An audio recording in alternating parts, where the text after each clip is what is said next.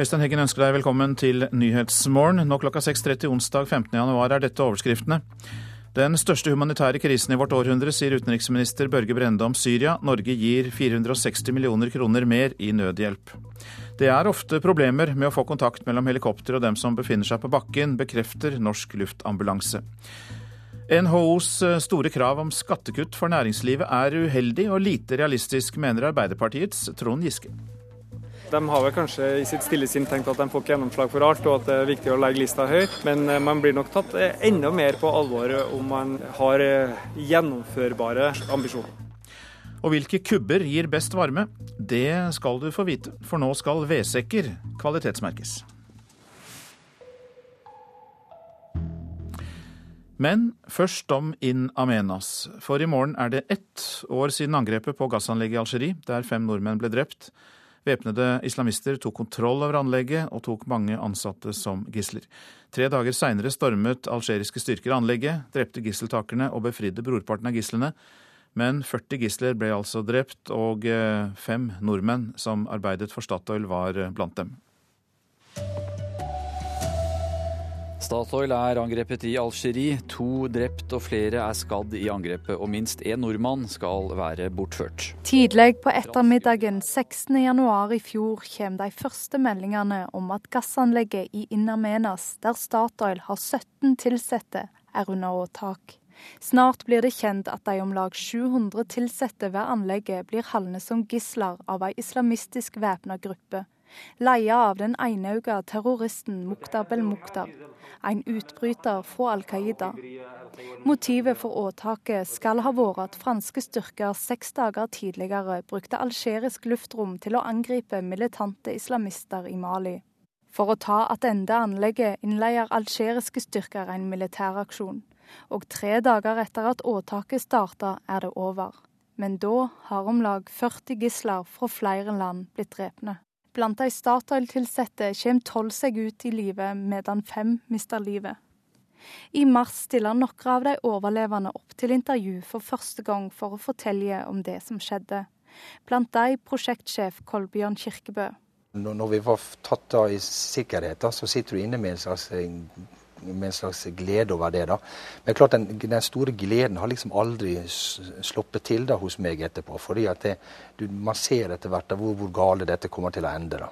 Etter åtaket bestilte Statoil en gransking av det som skjedde.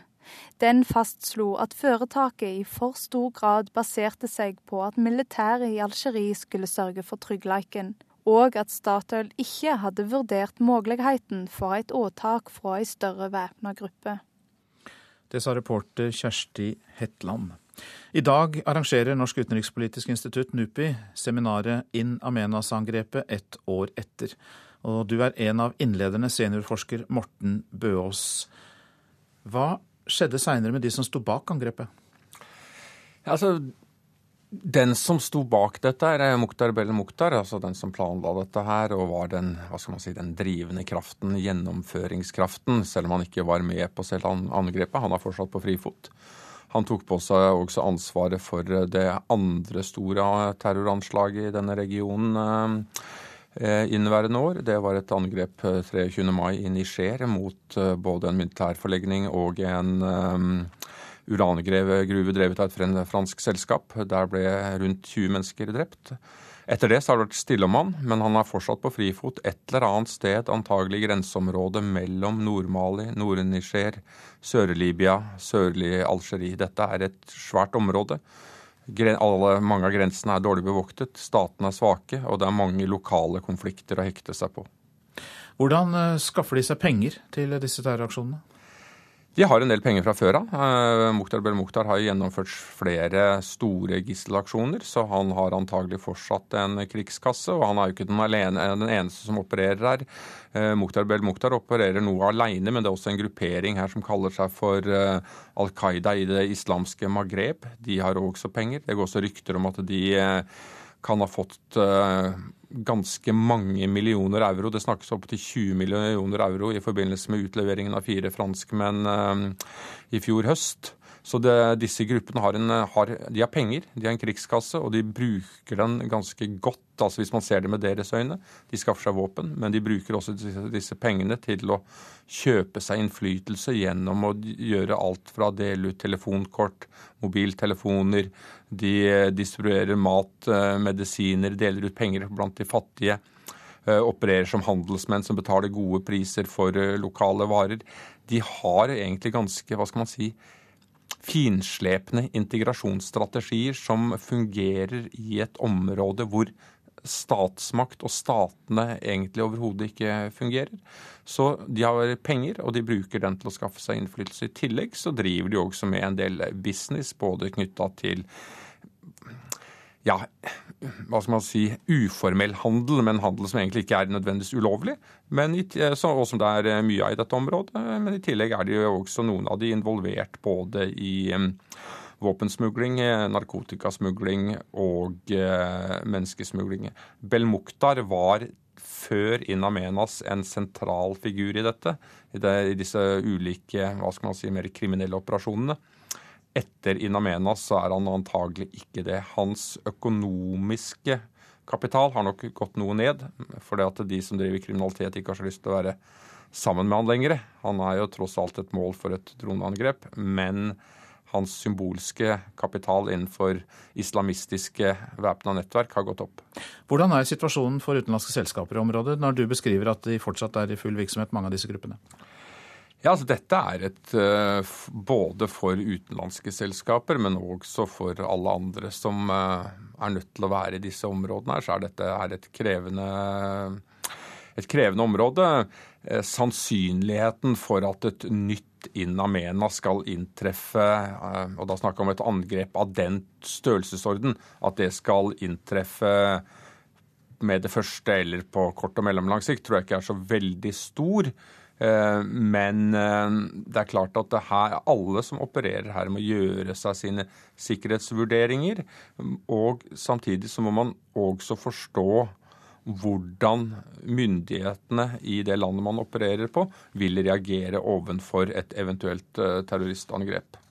Mange takk skal du ha, seniorforsker Morten Bøås, som altså da også skal innlede på dette seminaret som NUPI arrangerer i dag, om In Amenas ett år etter. Det er ofte problemer med å få kontakt mellom helikopteret og dem som befinner seg på bakken. Det bekrefter Norsk Luftambulanse. Politiet forsøkte i går forgjeves å få kontakt med flygerne i ulykkeshelikopteret på Solihøgda for å advare om landingsforholdene. Flygersjef i Norsk Luftambulanse, Erik Nordmann, sier det ikke er første gang det har vært problemer med kontakten. Altså, de sambandsmulighetene vi har med, med ved hjelp av radiokommunikasjon, er jo ikke absolutt, og det krever at vi er på, på samme på samme samband. Sånn at det ligger muligheter for at det kan skje. Det gjør det absolutt. Ifølge øyevitner fra politiet kom helikopteret og tok et rutinemessig sveip over området før det begynte å gå inn mot landingsstaden. Plutselig trefte det høgspentlinja. Ifølge stabssjef Kjell Magne Tvenge i Nordre Buskerud politidistrikt forsøkte politiet gjentatte ganger å kalle opp piloten før helikopteret styrta. Eh, politiet hadde ikke kontakt med helikopteret, slik at uh, politiet hadde da satt en politibil på den eh, sperra veistrekningen E16 før tunnelen. Men vi hadde ingen dialog med helikopterpiloten og hadde derfor ikke plukka ut noe landingssted. Hvorfor helikopteret kom i kontakt med høyspentlinja, og hva som er årsaka til at politiet aldri kom gjennom til piloten, kan han ikke svare på.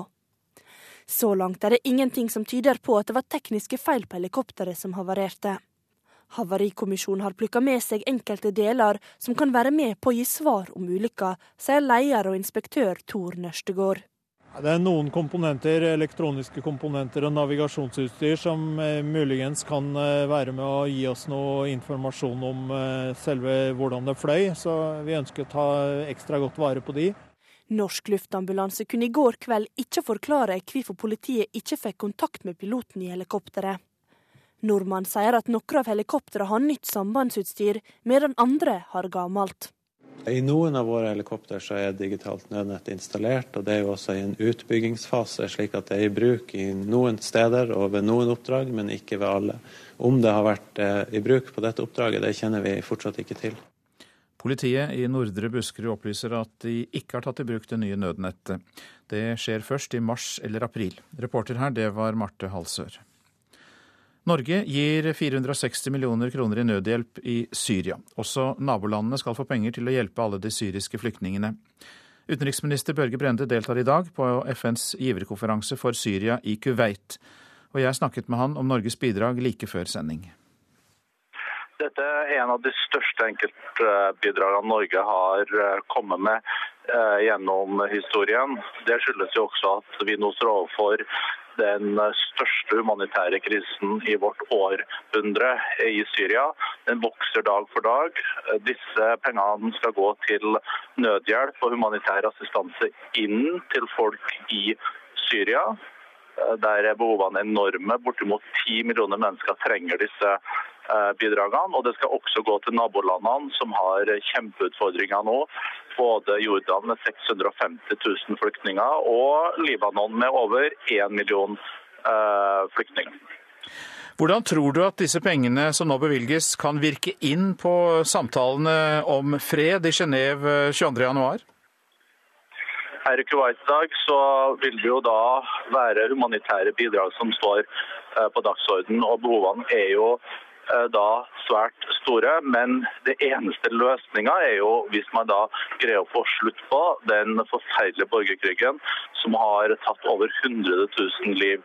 Så Vi vil også da diskutere hvordan man da kan komme til enighet om eventuelle midlertidige våpenhviler rundt omkring i ulike områder i Syria i neste uke under Genéve 2. Vi vil også diskutere veldig sterkt den humanitære tilgangen. for Hvis disse pengene skal bli brukt, så må jo da hjelpearbeidet komme frem i uh, Syria. Hjelpearbeidere må ikke bli uh, skutt på, eh, bl.a.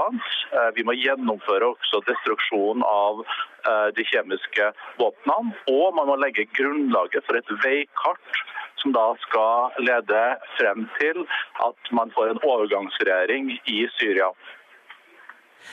Er det slik at dere på den konferansen nå vil kunne klare å få til ordninger som gjør det enklere å hjelpe inne i Syria?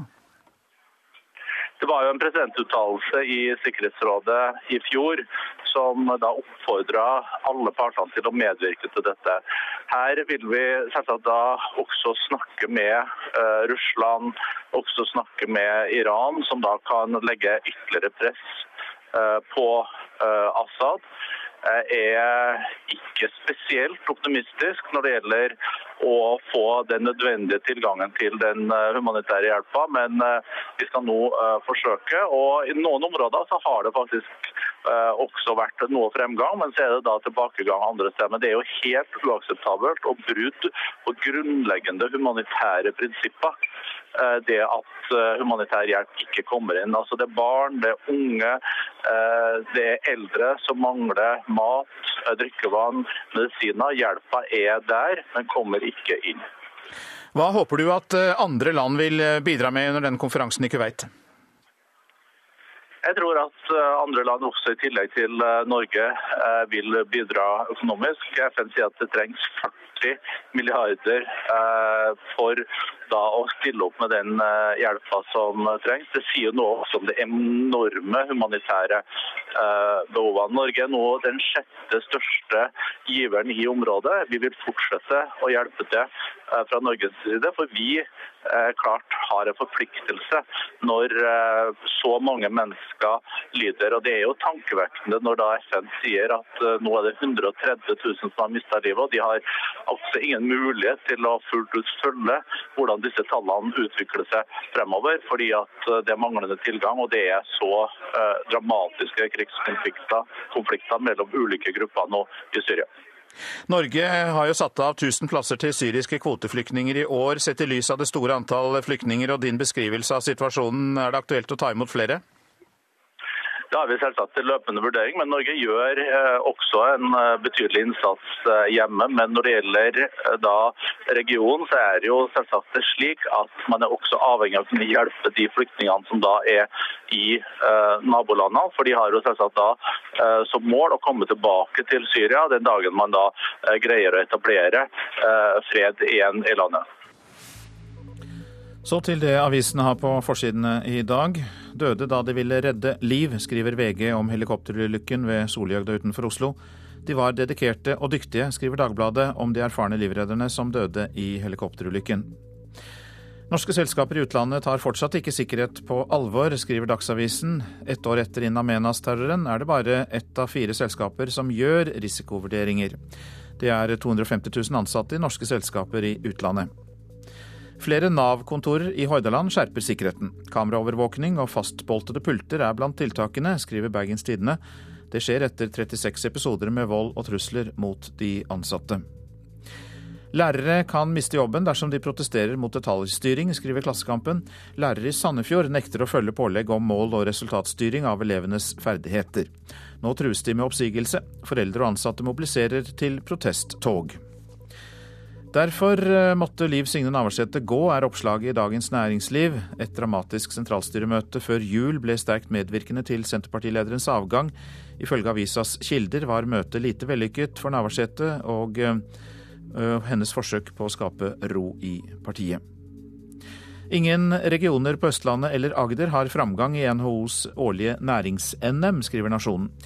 Du kan kanskje kalle det en oljeskygge, sier næringspolitisk direktør i NHO, Petter Brubakk, til avisa. Rømmer Bulgaria for en bedre framtid, skriver Vårt Land om 24 år gamle Petia Kortsjeva. Hun sluttet ved universitetet i Sofia for å jobbe som servitør i Amsterdam. Det er verdiløst å skaffe seg vitnemål som bare fører meg ut i arbeidsløshet, sier hun. Nå tappes Bulgaria og Romania for kompetanse, for fra årsskiftet så kunne innbyggerne derfra fritt søke jobb i EU. Facebook er viktigere enn jobben, kan vi lese i Stavanger Aftenblad. Mange lærlinger forstår ikke at arbeidet må gå foran sosiale medier. Næringslivet ønsker seg en holdningsendring, og at voksne setter krav til ungdommene også hjemme. Mangler kontroll med småbarna, skriver Adresseavisen. Trondheim kommune følger ikke de nasjonale retningslinjene for virksomhet ved helsestasjonene, og fylkesmannen ber om en forklaring. Et landsomfattende tilsyn avdekker flere mangler ved kontrollene av barn mellom null og seks år.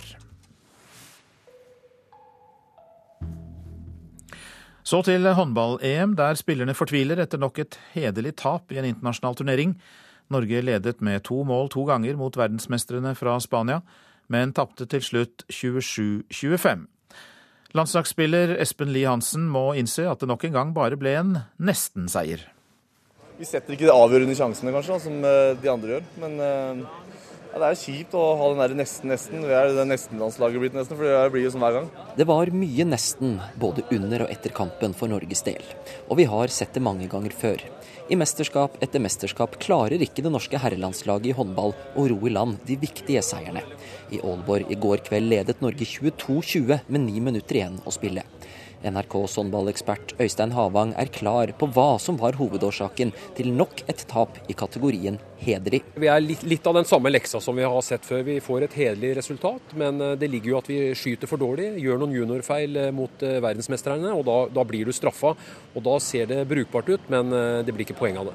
Mens flere av unggutta sto fram i andre omgang mot rutinerte spanjoler, sviktet noen av veteranene på det norske laget. Håvard Tveten var en av dem. Klart vi brenner mye. Det er mange som brenner. Jeg spiller kanskje den dårligste kampen jeg har gjort i ja, manns minne. Så eh, hadde jeg sittet mine skudd vanligvis eh, sånn som jeg gjør, og noen andre kanskje, kanskje litt skarpere, så, så, hadde vi jo slått verdens beste eh, lag fra siste år. Så ja, vi skal ta med oss det. Reporter her, det var Christian Nilsen. Spørsmålet er nå om landslaget går videre til hovedrunden i EM. Det får du vite i morgen. Du kan høre Norge-Ungarn på NRK P1 fra klokka 20.03. Dette er Nyhetsmorgen, og klokka den passerte nettopp 6.49. Dette er hovedsaker. Den største humanitære krisen i vårt århundre, sier utenriksminister Børge Brende om Syria. Norge gir 460 millioner kroner mer i nødhjelp. Det er ofte problemer med å få kontakt mellom helikopter og dem som befinner seg på bakken. Det bekrefter Norsk Luftambulanse. Politiet forsøkte å advare om landingsforholdene på Solihøgda i går. NHOs krav til skattekutt er uheldige for i forkant av lønnsoppgjøret, sier Trond Giske. Mer om det straks. Ja, for det er lite klokt, sier tidligere næringsminister Trond Giske om NHOs krav om skattekutt for næringslivet nå før lønnsoppgjøret tar til. Nei, det går an å ha to tanker i hodet på en gang, svarer NHO-sjef Kristin Skogen Lund. Men Giske tror altså at NHO risikerer å bli tatt mindre alvorlig når bedriftene krever skattekutt for 30 milliarder kroner. Jeg tenker at NHO skal være påpasselig med at også de kravene de sjøl stiller, eh, har den samme moderasjonen som det de forventer f.eks. For fra arbeidstakere når de eh, til våren skal gjennom et dødsoppgjør. Det å kreve for mye kan gjøre at man blir tatt litt mindre alvorlig. Arbeiderpartiets Trond Giske mener NHOs krav om kraftige skattekutt harmonerer dårlig med ønsket om et lønnsoppgjør til våren, der arbeidstakerne oppfordres til moderasjon. NHO vil bl.a. fjerne formuesskatten og kutte skatten bedriftene betaler av egne skattepliktige overskudd. Selskapsskatten bør senkes til 20% ifølge NHO. De har vel kanskje i sitt stille sinn tenkt at de får ikke gjennomslag for alt, og at det er viktig å legge lista høyt. Men eh, man blir nok tatt eh, enda mer på alvor om man har eh, gjennomførbare ambisjoner. Da tar man helt gal inngang til premisset. Sier NHO-sjefen. Nettopp fordi vi er så avhengig av å styrke og sikre norsk konkurransekraft, så må vi ha moderasjon i lønnsoppgjøret, men vi må også ha et skattesystem som er tilpasset de vi konkurrerer med. Administrerende direktør Kristin Skogen Lund mener likevel Giskes kritikk faller på stengrunn. Det må gå an å ha to tanker i hodet samtidig, sier Skogenlund. Jeg har fått veldig mange gode tilbakemeldinger på det utspillet, også fra folk som har innflytelse på den uh, saken. Så jeg tror at uh, det er på tide at vi setter søkelys på at vi har blitt hengende etter når det gjelder reformer på dette området. Flere finanspolitikere i regjeringspartiene har gitt uttrykk for at NHO må kunne prioritere. Av og til er det formuesskatten og av og til avskrivningene. Nå er det selskapsskattesatsen, og det virker som det er dagsformen som avgjør, sa Fremskrittspartiets finanspolitiske talsmann Gjermund Hagesæter nylig til NTB. Men NHO-sjef Kristin Skogen Lund sier til NRK at det viktigste for NHO er å fjerne formuesskatten. Det viktigste for oss er å fjerne formuesskatten. Og når vi snakker om selskapsskatten, så er det fordi vi ser at alle land som vi konkurrerer mest med, har nå en sats på mellom 20 og 22% Norske bedrifter har et skattehandikap, så det er vi nødt til å adressere. Bare reduksjonen i formuesskatten og selskapsskatten betyr 30 milliarder kroner mindre til felleskassen, påpeker Arbeiderpartiets Trond Giske. Han mener det er utrolig mye penger hvert år som en kan få mye helse, veier og utdanning for. Så eh, her må man også se helheten fra NHOs side. Våre reportere her, det var Hedvig Bjørgum og Johan Settem. Nå skal det bli enklere å vite om veden du kjøper er god eller dårlig. En ny merkeordning vil gjøre det lettere å finne ut hvor mye varme du får ut av vedkubbene. Det er bransjeorganisasjonen Norsk Ved som introduserer merkeordningen. Og fagsjefen der, Øyvind Stranda Larsen, sier at mange kunder er litt forvirret når de skal kjøpe ved. For kvaliteten varierer. Her hører du at uh, denne veden her, den gir skikkelig lyd fra seg. Klinger nesten når du slår den sammen. Og Det betyr at uh, disse to kubbene her, de er uh, temmelig tørre. Da kan vi bare rett og slett slå på den. Med en fuktmåler måler Stranda Larsen fuktprosenten. Fuktprosenten er viktig når du skal kjøpe ved, sier han. Denne veden har en fuktprosent på 13.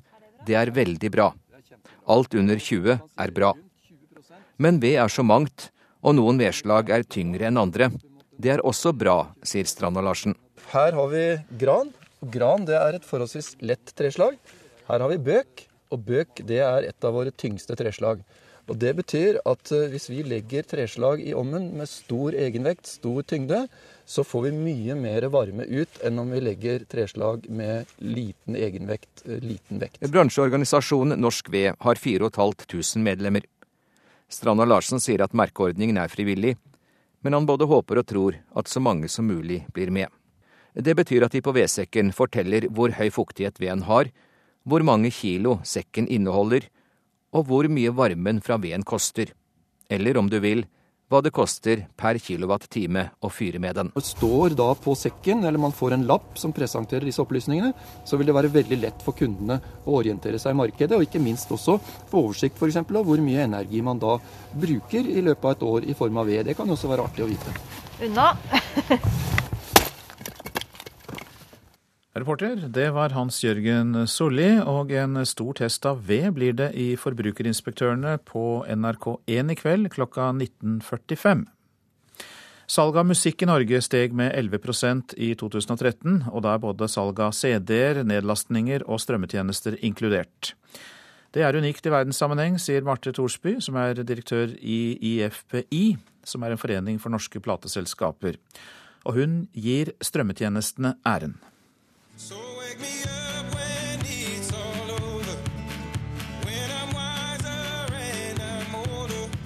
Aviciis 'Wake Me Up' var den mest strømmede låta på Spotify i Norge i 2013.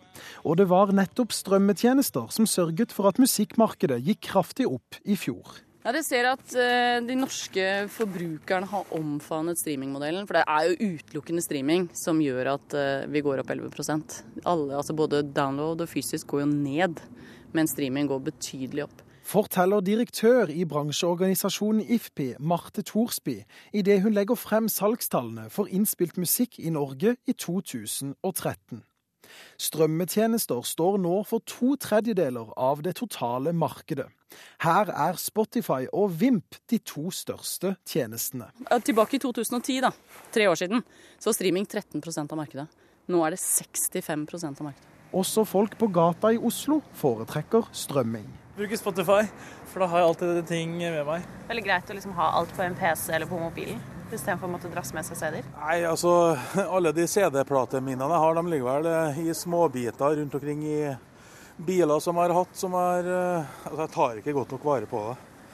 Enkelt og greit. Det, så det blir mye enklere å ha det på iPhone og, som i spilleliste eller Musikkmarkedet totalt var på 603 millioner kroner, noe som er en oppgang på 11 Dette inkluderer CD-er, strømmetjenester og nedlastinger. 11 er mye. Eh, det er ikke mange markeder som går opp 11% I år så er det nok ingen. Jeg tror vi er helt alene. Eh, Sverige kommer nok til å følge sånn omtrent uh, hakket hæl, holdt jeg på å si. Men de aller fleste andre markeder ligger bare med små endringer, og en del går fremdeles ned.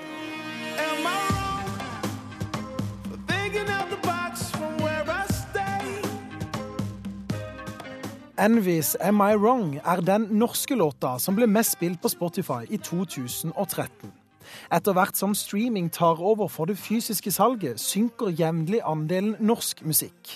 Thorsby håper nå at også eldre vil bruke strømmetjenester, fordi hun tror det vil få opp norskandelen. Det er jo mest uh, unge mennesker som bruker streaming. Det vi jo ønsker er å få med segmentet, altså 40 pluss-segmentet kan du si, til å omfavne streamingtjenestene. Da tror jeg også vi kommer til å se en oppgang i bruken av norsk musikk. Denne reportasjen var laget av Christian Ingebretsen. Så til værvarselet fram til midnatt. Fjell i Sør-Norge først. Kuling utsatte steder, særlig lengst vest og lengst nord. Litt snø i østlige fjellstrøk, ellers opphold. Østlandet og Telemark eh, litt snø, særlig i ettermiddag og kveld. Agder får til dels liten kuling på kysten. I kveld dreiende sørøstlig. Litt snø. Økende nedbør utover ettermiddagen. Etter hvert eh, sludd på kysten av Agder, i sør da særlig. Rogaland stiv kuling utsatte steder, delvis skyet oppholdsvær, men fra i ettermiddag litt snø i sørøst. Hordaland og Sogn og Fjordane og Møre og Romsdal liten kuling utsatte steder, stort sett pent vær. Trøndelag får stiv kuling utsatte steder, i kveld lokalt liten storm i nord. I grensetraktene skyet vær, ellers til dels pent vær i Trøndelag i dag. Nordland får også pent vær, fra i ettermiddag periodevis sterk kuling utsatte steder, da særlig på Helgeland. Troms får også for det meste pent vær.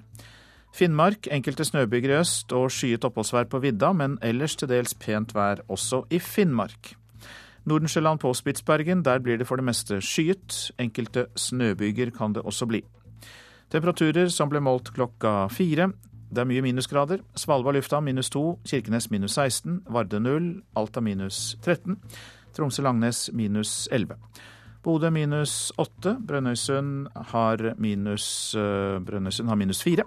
Trondheim-Værnes minus fem. Molde minus fire. Bergen-Flesland minus to. Stavanger, der dukker det opp en plussgrad, pluss to grader. Kristiansand-Kjevik minus tre. Gardermoen minus åtte. Lillehammer minus ti. Røros minus 13 og Oslo-Blindern minus 6 grader da klokka var eh, fire. NRK P2. Nyhetsmorgen fortsetter med disse sakene. Luftfartstilsynet la bort ny forskrift om merking av kraftlinjer. Flygerforbundet etterlyser strengere krav. Vi følger opp eh, det, det hørte i Dagsnytt om at flere bruker falske papirer for å komme inn i landet. Statssekretær i Justisdepartementet Himanshu Gulati må svare her i Nyhetsmorgen. Ofre fra Gudvangatunnelen forstår ikke hvorfor de måtte gå i opptil tre timer i giftig røyk uten at nødetatene kom for å hjelpe dem. Vi gjorde hele jobben sjøl. Jeg tenker, Hvorfor var det ikke røykdykkere der? Hvorfor kom ingen inn med lommelykt og, og oksygenmaske eh, og hjalp oss ut? Britt Linda Clausen, som du altså får høre mer fra seinere i Nyhetsmorgen. Både Luftfartstilsynet og Flygerforbundet etterlyser bedre merking av kraftspenn og andre hindringer som kan være farlige for fly og helikoptre. I 2009 la Luftfartstilsynet fram et nytt forslag om merking, men måtte trekke det etter sterk motstand, bl.a. fra kraftselskapene. Tilsynet mener dagens regler er for dårlige. Vi ønsker en bedre, mer konsis forskrift som også skjerper eh, merkekravene. Det sier flyplassinspektør Sverre Vebjørn Kjerpeseth. Og det var derfor Luftfartstilsynet i 2009 foreslo en ny, skjerpet forskrift om luftfartshindringer. Men dette forslaget fikk kritikk fra flere hold. Eh, forslaget fra 2009 var eh, ifølge kraftbransjen for strengt.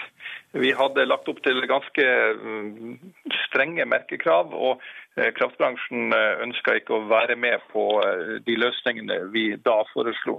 De sier at det er ikke betalbart, og at utgiftene ikke vil stå i stil med den sikkerhetsmessige gevinsten som man forventer å, å se. Dermed ble forslaget trukket tilbake, og nå legger tilsynet frem et nytt forslag. Alle kraftspenn og hindringer som ligger høyere enn 60 meter over bakken, skal i utgangspunktet merkes. Men striden har stått om hvor mye merking som trengs. Ambulansehelikopteret som havarerte i går, traff en høyspentledning, men denne ledningen var bare 35 meter over bakken. Derfor har det ikke vært aktuelt å merke denne ledningen, verken etter de gamle eller de nye forskriftene. Eh, alt er i teorien mulig, men det er også noen som skal betale regninga. Og kraftbransjen har så langt ikke vært villig til å eh, merke så lave spenn. Norsk Flygerforbund er ikke fornøyd, verken med dagens merkeforskrifter eller de forslagene som er lagt frem. Flygerforbundet sier dette er nok et eksempel på at penger settes foran sikkerhet. Der ser vi en konflikt eh, som vi ser òg i resten av luftfarten. Det er faktisk et eh, kostnadsspørsmål. Og det er jo noe som vi flyoperative er egentlig litt eh, forferdet over, akkurat den holdninga der. Vi må faktisk eh, ha sikkerheten på topp hvis vi skal kunne operere luftfartøy i Norge. Nestleder i Norsk Flygerforbund der, Jo Bjørn Skatvold, og reporter var Raymond Dalen. Oftere enn før blir utlendinger tatt for å prøve å komme inn i landet over Oslo lufthavn ved hjelp av falske papirer eller ved å bruke pass som tilhører andre. Men politiet på Romerike møter nå denne utviklingen med mildere straff. Før ble dokumentfalsk straffet med fengselsstraff, nå får de bot. Takk for den. Folk som kommer med fly fra land utafor Schengen, får stempel i passet på Gardermoen. De fleste har papirene i orden. Men oftere enn før har de ikke det, sier Lars Hegstad, politiets sjef for grenseforvaltninga på flyplassen. Det vi ser er at det er økning i bruk av eh, falske dokumenter. Fra 2012 så hadde vi 206 eh, eh, for falske pass som vi avslørte. I 2013 hadde vi 226. Det er ikke nødvendigvis at disse passene er forfalska, det er look-alike som reiser på disse passene. Altså folk som gir seg ut for å være noen andre enn de faktisk er? Ja, det her er i flere år blitt straffa med fra 45 til 60 dagers fengsel, men ikke nå lenger. Romerike politidistrikt, som har ansvaret for flyplassen, reagerer som regel ikke lenger med fengsel i sånne saker. Det sier fungerende visepolitimester Mona Hertzenberg. Det er av hensyn til vår egen effektivitet, og fordi det er problemer med å få fengselsplasser i disse tilfellene. I stedet for fengsel får de nå bøter på fra 10 000 kroner og oppover, Penger det ikke er lett for den norske staten å drive inn. Så blir de utvist. Men vi har dårlige erfaringer med å prøve å få dem inn i fengsel som er full fra før av, sier Hertzenberg. Vi har jo opplevd at vi særlig i disse sakene har fremstilt fanger for varetektsfengsling og ikke fått varetektsplass. Og hvis det har vært tilståelse, fått dom og ikke fått soningsplass. Og det resulterer jo i at vi kaster bort verdifulle ressurser, både for oss selv og domstolen. Og vedkommende må løslates. Oslo-politiet holder fast på at utlendinger som blir tatt med falske pass eller andre papir, skal i fengsel. I fjor endte 52 sånne saker med tiltale eller fengselsdom i hovedstaden. Pga. flyplassen har politiet på Romerike langt flere saker, og har altså gitt opp å fengsle de skyldige. Det er selvfølgelig en uheldig situasjon. Eh, men sånn som eh, situasjonen nå en gang er, så finner vi det mest hensiktsmessig da å la være å bruke varetektsfengsling og dom i disse sakene. Og da frigjør vi også kapasitet i varetektsplasser i andre straffesaker, hvor vi syns det er mer viktig at den siktede får plass i fengsel. Reporter her, det var Kjartan Røslett. Himanshi Gulati, god morgen til deg. Ja, god morgen, god morgen. Du er statssekretær i Justisdepartementet fra Fremskrittspartiet. Ja, Hva syns du om at eh, det antallet med falske pass eller look-alike-pass eh, øker, og så blir det mildere straffer? Ja, eh, jeg må jo si at Vi har jo også noen, eh, noe skepsis til nye praksiser som denne. Men det viktigste for regjeringen det er at utlendinger som ikke har rett til å være i Norge, at de sendes ut så fort som mulig. Det er jo det man nå gjør her. Man gir dem en straff som, som er en bot. Men vi ser også fordeler da ved at de utenlandske borgerne det er snakk om og som begår en kriminell handling, får en bot og utvises fra landet med en gang, og dermed ikke har rett til å returnere til Norge på en god stund heller. Da, da syns du det er greit med bot og utvisning? Eh, nei, men, men det, er, det er i hvert fall det viktigste. At de sendes sendes ut. Og så skal vi ikke komme bort ifra at det er en del utfordringer i fengselskapasiteten. Vi tok over regjeringskontorene tre måneder siden. Da var fengselsbelegget på 97,2% Det var resultatet etter åtte år med en rød-grønn regjering hvor det ikke ble satset på fengselsplasser. Men allerede i år, som er det første året vi, vi styrer, så har vi, har vi, sørget for at det vil komme på plass 88 nye fengselsplasser. Vi har tatt initiativ overfor Sverige for å leie ledige fengsler i Sverige. Så vi gjør mye på bøte på denne situasjonen. Men de rød-grønnes eh, fengselsstyring har gjort at det er fullt i fengslene, og vi jobber med å løse det. Og Da er det viktig at de som blir tatt for denne type ting, sendes ut så fort som mulig. Du får kanskje lov å skylde på de rød-grønne litt til, Gulati, men ikke så lenge nå. Eh, og la oss gå tilbake til det som er hovedsaken her, nemlig dette med falske papirer. Hvordan kan regjeringen sette inn trøkket for å forhindre dette på best mulig måte? Jeg må si at Den trenden vi ser er, er en bekymring, og den er økende. Eh, og Man har bl.a. koordinert innsats i EU-EØS-området for å få til noen felles biometriordninger eh, osv. for innreise til, til, Schengen. Men det er også viktig at politiet får den kapasiteten og den kompetansen de har til å ta flere av de som benytter seg av de tingene. Og så er det også viktig, som jeg nevnt tidligere, at de som blir tatt, faktisk sendes ut, slik at det ikke skal lønne seg å bruke denne type falske papirer. Nå er det jo slik som vi hørte at Politiet på Romerike de bruker mye ressurser på eh, å få eh, utlendinger med falske papirer dømt, og eh, de opplever at det er fullt i fengselet, så dropper de fengsel. Politiet i Oslo gjør det annerledes. De prøver å få folk dømt til fengselsstraff. Da er det heller ikke likhet for loven i denne saken. Vi vil derfor eh, følge fortløpende med på denne ordningen. Det er en veldig ny praksis, og vi regner også med at eh, Riksadvokaten, som har ansvaret for påtalemyndigheten, også vil følge med på og se at dette er i orden. Så er det altså dette med fengselsplasser. Du sa det at dere har eh, klart å begynne å øke antallet allerede. Var det 88 jeg hørte du sa, ja. i tillegg til i fjor. Men hvilke hvilke tiltak vi blir satt i verk for å få en varig økning av antall fengselsplasser? For det vil jo bidra til å løse noe av dette problemet. Ja, og, og vi driver og, og, utreder muligheter for hvor nye fengsler skal bygges, men det tar noe tid. Derfor har vi sørget for umiddelbare, raske løsninger, som allerede i år gir nesten 88 nye plasser. Men vi har også et stort fokus på å få til flere soningsoverføringer. Over halvparten av de som sitter i varetekt i Norge, er utenlandske statsborgere. Eh, en tredjedel av de i fengslene totalt er utenlandske statsborgere. Vi har et fokus på å overføre flere av de til sine hjemland, slik at de kan sone der. Så vi, vi, ser på en rekke tiltak. For, for justis- og beredskapsminister Anders Johannessen er det en stor prioritet at vi skal uh, få ned soningskøene og få, få mer kapasitet i fengslene. Fengsel i Sverige, er det fortsatt aktuelt å leie plass der? Ja, det, det er noe eh, vi har tatt initiativ til. Eh, svenskene har ledige fengsler, og da syns vi det er naturlig å se på muligheten for å leie de plassene. Statssekretær i Justisdepartementet Himanshu Gulati, takk for at du kom til Nyhetsmorgen. Landbrukssamvirket skal under lupen. Tine og Norturas sterke posisjoner i det norske matmarkedet skal granskes. Ja, Det sier landbruksminister Sylvi Listhaug, som vil eh, granske konkurransen i landbruket. I dag er Tine og Nortura markedsaktører, men også markedsregulatorer. Listhaug frykter derfor at det gir svekket konkurranse og dyrere mat.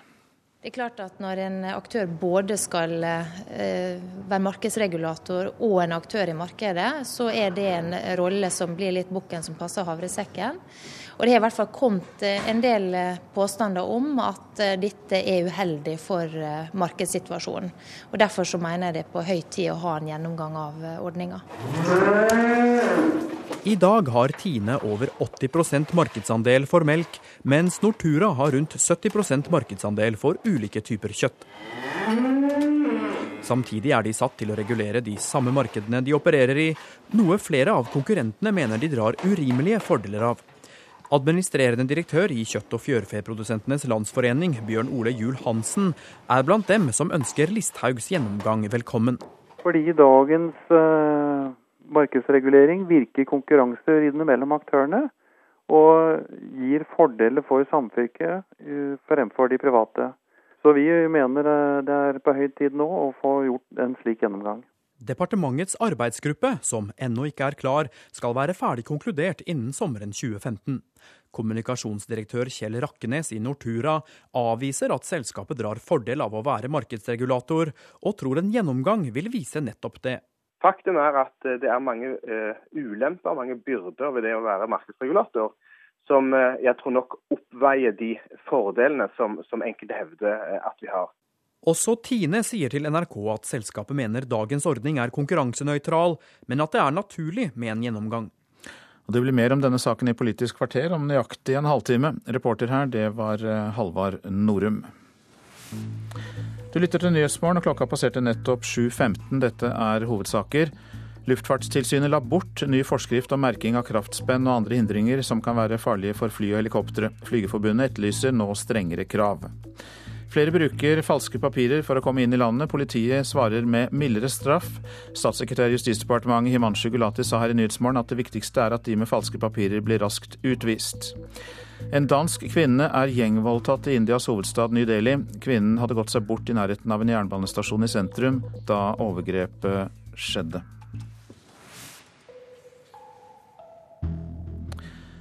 I Egypt er det andre og siste dag i folkeavstemningen om ny grunnlov. I går ble elleve mennesker drept og rundt 30 såret i sammenstøt mellom sikkerhetsstyrker og tilhengere av den avsatte presidenten Mohammed Morsi. Den nye grunnloven er foreslått av den militærinnsatte regjeringen, og støttespillere av Morsi har varslet at de vil boikotte avstemningen. Utenrikskorrespondent Sigurd Falkenberg Mikkelsen, du er med oss fra Kairo. og Hvordan er situasjonen i byen nå? Her i Kairo har det vært eh, rolig i eh, morgentimene. Det har ikke kommet noen meldinger om verken bomber eller demonstrasjoner nå. Stemmelokalene har eh, så vidt åpnet. Og det er da den andre og siste dagen av denne folkeavstemningen. Den første avstemningen siden avsettelsen av Morsi i sommer. Flere av Morsis støttespillere har jo da altså varslet at de vil boikotte avstemningen. Hvordan har oppmøtet vært så langt? Myndighetene sier at det er et eh, godt eh, oppmøte. Eh, det jeg har sett, er relativt tomme stemmelokaler. Og alle kolleger jeg har snakket med, har også sett tomme stemmelokaler. Så får vi se hvordan dagen i dag går, og hvordan det er på landsbygda. Men det er uansett usikkerhet heftet til disse tallene, fordi det er ingen uavhengige observatører til stede rundt denne prosessen. Sånn at det er mange usikkerhetsmomenter her. Nå var det jo ikke så stor oppslutning om denne grunnlovsavstemningen til uh, Morsi-regjeringen heller, men uh, hva har det å si for den nåværende regjeringens uh, legitimitet at det er høyt oppmøte? De er helt avhengige av å få folk ut for å vise at de har en form for folkelig legitimitet utover disse gatedemonstrasjonene som endte med eh, kuppet mot uh, Morsi. Uh, sånn at vi kommer nok til, helt sikkert til å se tall høyere enn 32% det er jeg ganske sikker på. og så får vi se hvor mye hold det er i de tallene etter hvert. 32% var det som oppmøtet under grunnloven som ble vedtatt under Morsis styre. Hvorfor er det så mye motstand mot den nye grunnloven? Er det fordi de militære står bak, eller er det også ting, innhold i grunnloven, som er kritikkverdig? Det er lite fokus på innholdet her. Dette ses på først og fremst som en avstemning for eller mot uh, den militærinnsatte regjeringen, og først og fremst da landets sterke mann, general Abdel Fattah al-Sisi. innholdet den minner om gamle og eldre grunnlover. Den er noe mindre eksplisitt på de religiøse referansene enn den forrige. og også en del jeg har snakket med, har trukket fram enkelte sære, sære, særrettigheter. F.eks. en kvinne jeg snakket med i går, trakk fram funksjonshemmedes rettigheter. Men eh, det er ikke det som er det sentrale her. Det sentrale er hvor Egypt går videre, og hvem som skal styre landet. Og Hva vil du anta blir resultatet, Sigurd Falkenberg Mikkelsen? Blir Grunnloven vedtatt uh, uansett uh, labert oppmøte eller ei? Ja, Det er jeg ganske sikker på. Eh, men det vil jo være en indikator for hvilken, ikke bare hvilken støtte de har, men hvilken evne de har til å mobilisere noe positivt annet enn passiv støtte i befolkningen. Og er den veldig lav, uansett hvilke tall som de kommer til å oppgi til slutt, så vil det være en, et varselsignal for myndighetene om at de kanskje ikke har så stor støtte som de ønsker. Men vi får se. Det er én stemmedag igjen, og det er mange som skal stemme, Det er mange som kan stemme. og så får vi se hvordan, eh, hvordan oppmøtet blir utover dagen. Stemmelokalene er jo åpne til langt på natt her. Takk for at du følger med på dette for oss, korrespondent Sigurd Falkenberg Mikkelsen, som altså var med oss eh, fra Kairo. En eh, dansk kvinne er altså voldtatt av en gruppe menn i den indiske hovedstaden New Delhi, ifølge politiet. Den 51 år gamle kvinnen hadde gått seg bort da overgrepet skjedde. Lokale medier melder at hun ble truet med kniv av en gruppe på mer enn seks menn. De mistenkte er identifisert og blir avhørt, ifølge indisk politi. Norge gir 406 millioner kroner til Syria i forbindelse med FNs giverlandskonferanse som holdes i Kuwait i dag. Pengene skal gå til å hjelpe ofre for konflikten både inne i Syria og i nabolandene, sier utenriksminister Børge Brende. Flere enn ni millioner syrere trenger nå humanitær hjelp. FNs appell om bidrag er på nesten 40 milliarder kroner.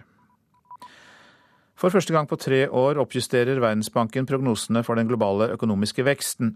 Verdensbanken mener at eh, det globale bruttonasjonalproduktet vil eh, stige med 3,2% i år, fra 2,4% i 2013.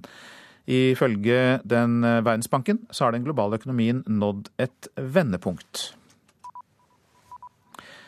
I USA er mannen som mange tipper som republikanernes neste presidentkandidat i hardt vær. Guvernør Chris Christie i New Jersey granskes for flere forhold. Visste han at staben med fullt overlegg skapte trafikkaos på en av landets viktigste broer, bare for å straffe en demokratisk ordfører som nektet å støtte gjenvalg av Christie som guvernør? Chris Christie selv sier han ikke ante at hans egen stab faktisk sto bak fire dager med trafikkaos på den viktige brua mellom New Jersey og New York. På en pressekonferanse i går ettermiddag innrømmet han likevel feil.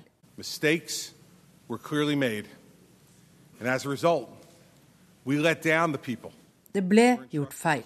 Vi sviktet folk vi er satt til å tjene. Våre borgere fortjener bedre, sa Christie.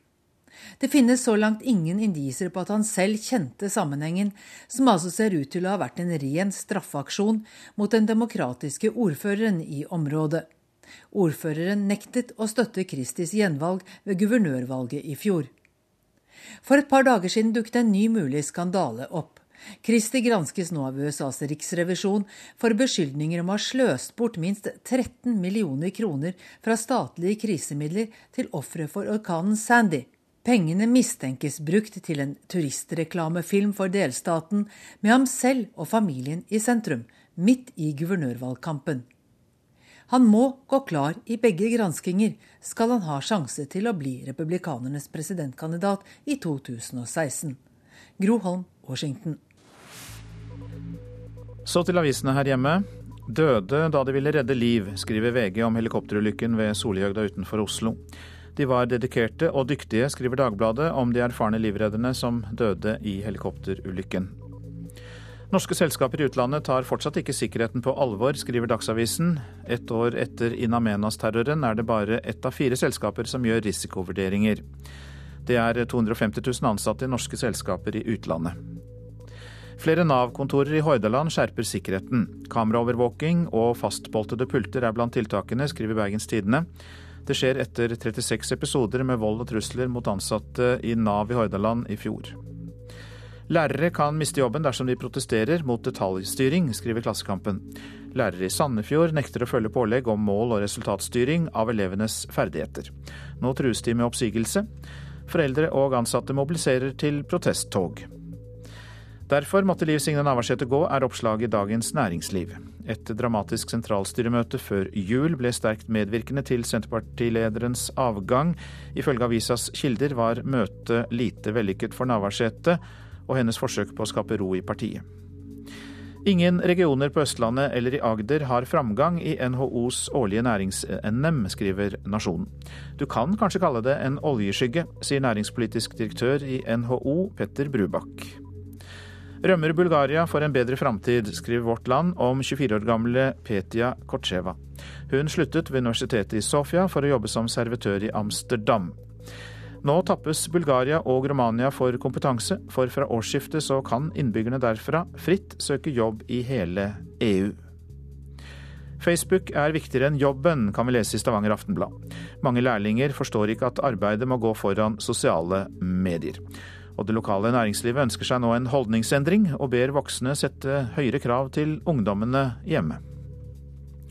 Mangler kontroll på småbarna, skriver Adresseavisen. Trondheim kommune følger ikke de nasjonale retningslinjene for virksomhet ved helsestasjoner, og fylkesmannen ber om en forklaring. Et landsomfattende tilsyn avdekket eh, flere mangler ved kontrollene av barn mellom null og seks år. Flere av ofrene etter brannen i Gudvangatunnelen i fjor høst har problemer med å forstå hvorfor ingen nødetater kom for å redde dem. Mange av de flere enn 70 personene som var inne i tunnelen da vogntoget tok fyr, måtte gå i to til tre timer i tykk, giftig røyk for å berge livet.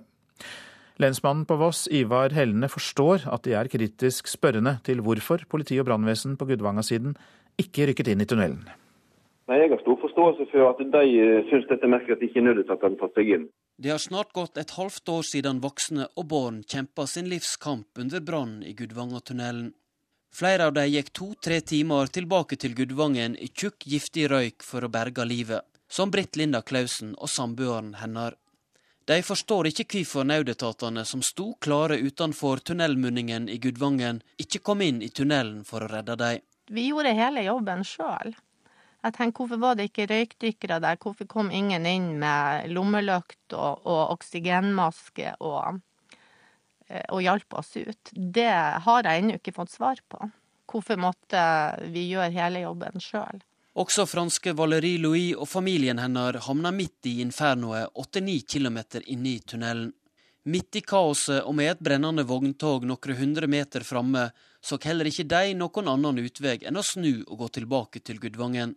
Den tre timer lange turen tok nesten livet av dem. No to, no to to stay waiting for the, the, the help. And nobody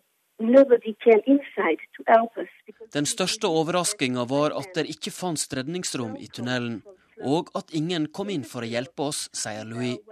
Hun forstår ikke hvorfor brannmennene venter på dem utenfor og lar dem gjøre hele jobben sjøl. Jeg forstår at uh, de som kom ut av tunnelen, stiller seg det spørsmålet. Sier lensmann på Voss, Ivar Helne. Det var Voss lensmannskontor som leia innsatsen til nødetatene vest for tunnelen på Gudvanga-sida. Helne forklarer den avventende holdninga med beredskapsplanen for Gudvangatunnelen. Som det ble kjent tidligere i veka, sier denne planen at det er brannmenn fra østsida som skal inn og sløkke brannen, og deretter følge røyken etter hvert som han bles vestover i retning Gudvangen. Brannmannskap som var på plassen der nede, når de tok seg bort til tunnelmunningen, så så de mest ingenting. Var, de så ikke en halvmeter framfor seg. I tillegg så ble det òg eh, gitt beskjed om til innsatslederen vår at uh, det var lite oksygen inne i tunnelen. Nå, uh, Hvor den meldingen kom fra, er jeg ikke sikker på, men sannsynligvis fra Sogn og Fjordane. Og Det tilsa at det kunne være risiko med å ta seg inn i tunnelen. Det kan medføre at bilene slokner før de har behov for oksygen for å kunne kjøre. En annen grunn til at innsatslederen vurderte det som for risikabelt å kjøre inn, var den dårlige sikta og faren for å kollidere. Eh, eneste måten å ta seg inn på da, det er via å gå. Eh, og da vet vi at Brannvesenet på Voss har eh, eh, oksygen til ca. en halvtime. Eh, da skal de ha ca. ti minutter igjen. og Det vil si de kan bruke det i sikkerhet. og Da kan de gå ca. ti minutter inn og ti minutter ut igjen. Men situasjonen var her slik at de så ingenting, og derfor gikk de inn. For de, inni en slik tunnel hadde de hatt nok med å klare seg sjøl. Da de første gående kom overlevende ut av røyken som sto ut av tunnelmunningen, gjorde innsatslederen en ny vurdering. De kom til samme konklusjon. De så ingenting. De gikk et par meter inn og måtte snu. Men bør ikke nødetatene strekke seg langt i slike ulykker? Jo, da kan du trygge på at de gjør det òg. De strekker seg så langt som de kan. Men samtidig så er det slik også at en, en, skal ikke sende folk inn i et område der det er livsfare for deres eget liv. Eh, det er en avveining de må gjøre på plassen, og jeg er trygg på at både innsatsleder og de andre som var der nede, vurderte dette nøye. Lensmann Ivar Hellene vil avvente politiet sin egen evalueringsrapport før han gir ytterligere kommentarer. I Bodø sitter et samboerpar som etterlyser svar. Den de kan takke for at de fremdeles er i live, er deres egen sterke vilje. For uten hjelp inne i den røykfylte tunnelen kjente de at de sakte var i ferd med å dø. Det kjente vi jo på kroppen. Vi hadde jo omtrent null energi. Jeg tror det gikk ganske langsomt på slutten, det, det tror jeg. Så jeg tror det var bare stahet og vilje som holdt oss oppe. Og vi spurte jo legene også. Eh, hvor nært var det? Ja, det var veldig nært for at dere ikke hadde vært mer. Og reporter her, det var Noralv Pedersen. Du lytter til Nyhetsmorgen. Erna Solberg og David Cameron er enige om mye, men på ett punkt eh, skiller de to konservative statsministrene lag. Mer om Solbergs besøk i Storbritannia etter Dagsnytt. Konkurranse i landbruket blir tema i Politisk kvarter. Landbruksminister Sylvi Listhaug og nestleder i Senterpartiet Trygve Slagsvold Vedum møtes til duell. Det blir også satt av tid til å spørre Slagsvold Vedum om hva han tror om Senterpartiets framtid. Prosent for Nyhetsmorgen i dag, Eli Bjelland. Her i studio, Øystein Heggen.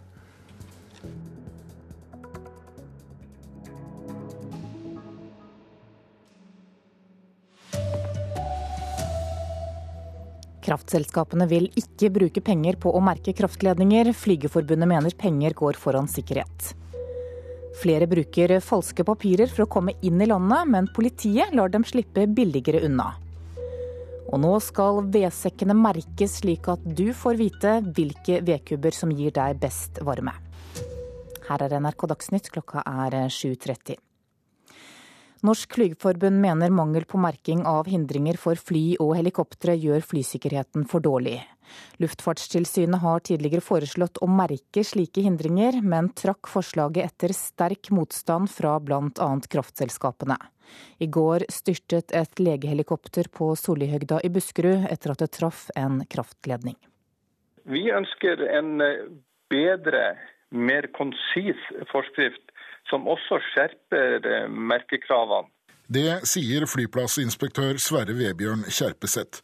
Og det var derfor Luftfartstilsynet i 2009 foreslo en ny, skjerpet forskrift om luftfartshindringer. Men dette forslaget fikk kritikk fra flere hold. Forslaget fra 2009 var eh, ifølge kraftbransjen for strengt. De sier at det er ikke betalbart, og at utgiftene ikke vil stå i stil med den sikkerhetsmessige gevinsten som man eh, forventer å, å se. Dermed ble forslaget trukket tilbake, og nå legger tilsynet frem et nytt forslag. Alle kraftspenn og hindringer som ligger høyere enn 60 meter over bakken, skal i utgangspunktet merkes. Men striden har stått om hvor mye merking som trengs. Ambulansehelikopteret som havarerte i går, traff en høyspentledning, men denne ledningen var bare 35 meter over bakken. Derfor har det ikke vært aktuelt å merke denne ledningen, verken etter de gamle eller de nye forskriftene. Eh, alt er i teorien mulig, men det er også eh, noen som skal betale regninga. Norsk Flygerforbund er ikke fornøyd, verken med dagens merkeforskrifter eller de forslagene som er lagt frem. Flygerforbundet sier dette er nok et eksempel på at penger settes foran sikkerhet. Der ser vi en konflikt eh, som vi ser òg i resten av luftfarten. Det er faktisk et eh, kostnadsspørsmål. Og det er jo noe som vi flyoperative er egentlig litt forferda over, akkurat den holdninga der vi må faktisk eh, ha sikkerheten på topp hvis vi skal kunne operere luftfartøy i eh, Norge. Reporter var Raimond Dalen. Flere utlendinger enn tidligere bruker falske papirer for å forsøke å komme inn i landet via Oslo lufthavn. Men fulle fengsler gjør at de nå får mildere straff.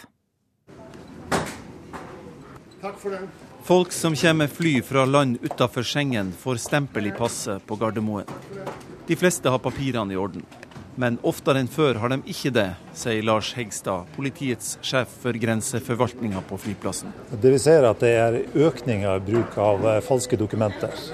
Fra 2012 så hadde vi 206 eh, for falske pass som vi avslørte. I 2013 hadde vi 226.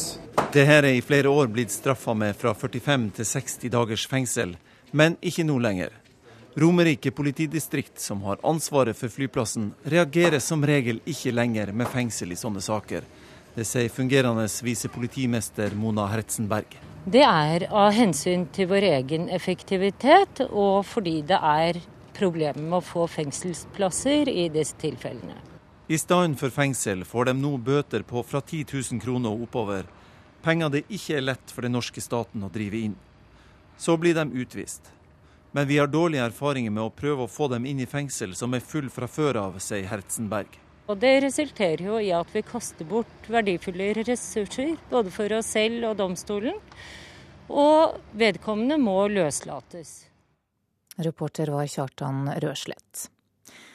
Et eh, telefonmøte med sentralstyret i Senterpartiet like før jul har hatt stor betydning for bråket i partiet, som ender med at Liv Signe Navarsete går av som partileder. Det skriver Dagens Næringsliv. Dagen før var hun blitt bedt om å trekke seg, eller varsle at hun ville gå av på landsmøtet i 2015. Det var tolv av Senterpartiets 14 ordførere i Nord-Trøndelag som ba henne bruke julen til å vurdere om hun burde trekke seg eller varsle sin avgang. Hun valgte å gjøre henvendelsen kjent for partiledelsen og sentralstyret, og innkalte til sentralstyremøte. Dette skjedde like etter at evalueringsutvalget kom med sin rapport, som pekte på dårlig samarbeid i partiledelsen. Deler av rapporten ble lekket ut til pressen, og det vakte oppsikt da Navarsete sa dette i Politisk kvarter her i NRK. Det må være en målsetting å, røyke ut eh, den eller de som står bak det. Eh, det er veldig få som hadde tilgang til eh, de, den informasjonen, så det burde ikke være ei helt uoverkommelig oppgave å finne ut det. På sentralstyremøtet før jul etterlyste Navarsete lojalitet, men selv om flere i styret reagerte sterkt på henvendelsen fra ordførerne, ble det ingen ro i partiet. Leser reporter Katrin Hellesnes og Trygve Slagsvold Vedum er gjest i Politisk kvarter på P2 klokka 7.45. Norge gir 460 millioner kroner til ofrene for konflikten i Syria. Pengene skal gå til å hjelpe folk både inne i Syria og i nabolandene. Dette er en av de største enkeltbidragene Norge har eh, kommet med eh, gjennom historien. Det skyldes jo også at vi nå står overfor den største humanitære krisen i vårt århundre i Syria. Sier utenriksminister Børge Brende. I dag er han i Kuwait på den andre internasjonale giverkonferansen for Syria, sammen med 68 andre land, deriblant Russland, Iran og USA. Og behovet er stort. FN mener at 40 milliarder kroner må til i ren nødhjelp og penger bevilges. Men å få brukt dem i Syria er vanskelig, sier Børge Brende. Så Det er barn, det er unge, eh, det er eldre som mangler mat, eh, drikkevann, medisiner. Hjelpa er der, men kommer ikke inn. Reporter var Sverre Tom Rådøy. Nå skal det bli enklere å vite om veden du kjøper er god eller dårlig. En ny merkeordning vil nemlig gjøre det lettere å finne ut hvor mye varme du får ut av vedkubbene. Fagsjef Øyvind Stranda Larsen i bransjeorganisasjonen Norsk Ved sier at mange kunder blir forvirret når de skal kjøpe ved, fordi kvaliteten varierer. Her hører du at eh, denne veden her, den gir skikkelig lyd fra seg. Klinger nesten når du slår den sammen. Og Det betyr at uh, disse to kubbene her, de er uh, temmelig tørre. Da kan vi bare rett og slett slå på den. Med en fuktmåler måler Strand og Larsen fuktprosenten. Fuktprosenten er viktig når du skal kjøpe ved, sier han. Denne veden har en fuktprosent på 13. Det er veldig bra. Alt under 20 er bra. Men ved er så mangt, og noen vedslag er tyngre enn andre. Det er også bra, sier Strand og Larsen. Her har vi gran. Gran det er et forholdsvis lett treslag. Her har vi bøk, og bøk det er et av våre tyngste treslag.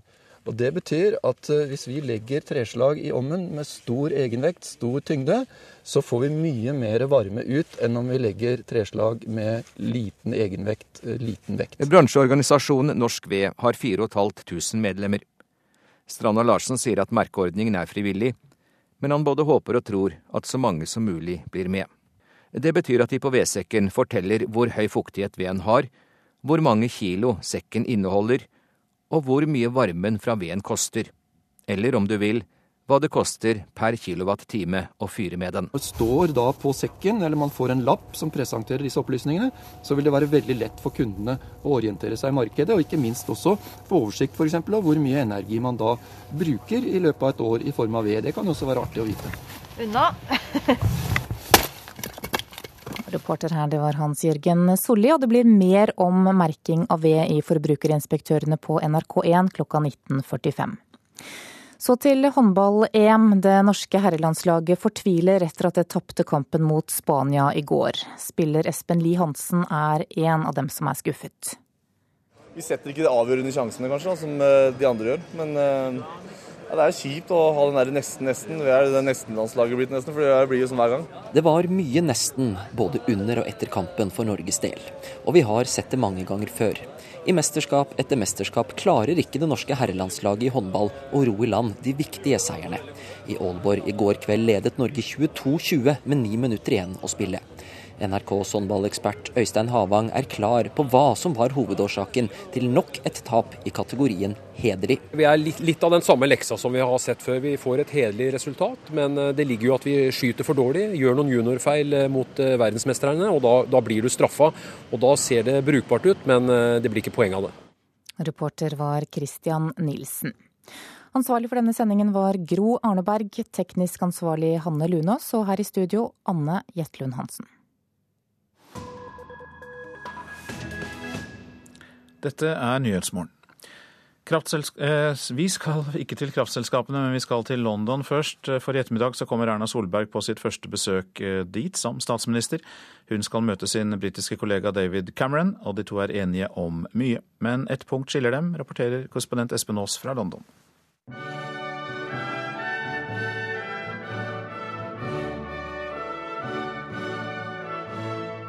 Det er mange måter å høre den såkalte EU-hymnen på, eller Beethovens niende om du vil.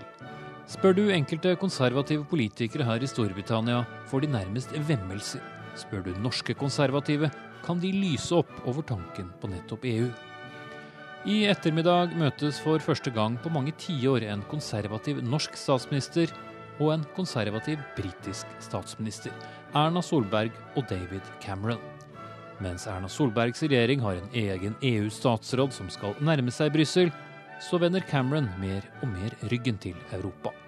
Og 95 av hans totalt 222 egne parlamentsmedlemmer har i brevs form bedt ham riste det gamle imperiet enda mer løs fra EU.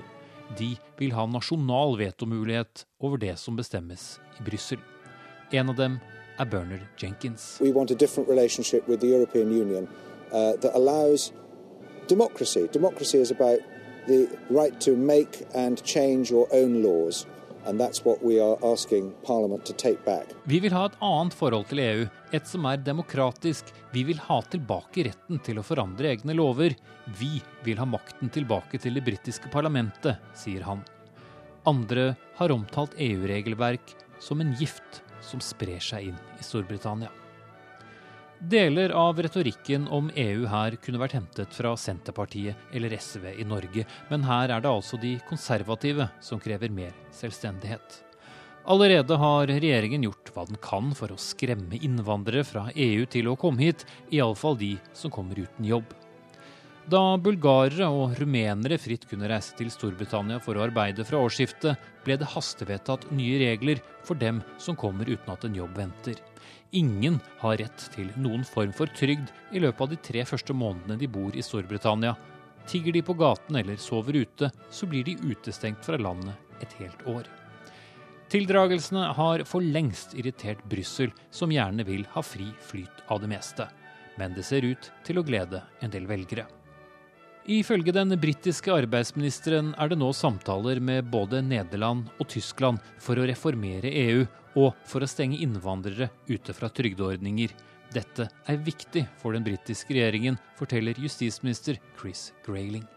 There is a groundswell of opinion out there that says people may be able to move from one country to another to get a job, but actually to move from one country to another to live off the state is simply not acceptable. Men om eh, politikerne i Storbritannia har innvandringsangst om dagen, så er det lite støtte å hente i akademia. Professor Christian Dustman ved University College of London sier Storbritannia tjener på økt innvandring, ikke taper. Actually, I'm quite puzzled uh, that we have this debate at this moment. Uh, uh, uh, EU countries over the last decade have been more likely to be in employment. They are very well educated, and they paid in 34% more into the system in terms of taxes than what they took out in terms of transfers and benefits. På planen for samtalen til de to statsministrene står energisamarbeid, internasjonal sikkerhet og arbeidet for å oppnå FNs tusenårsmål. Skal de virkelig friske opp samtalen, er det bare å nevne to bokstaver EU. Espen Aas, London.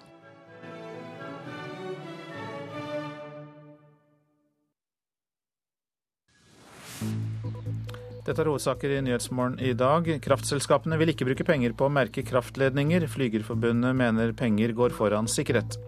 Flere bruker falske papirer for å komme inn i landet, men fulle fengsler fører til at politiet svarer med mildere straff.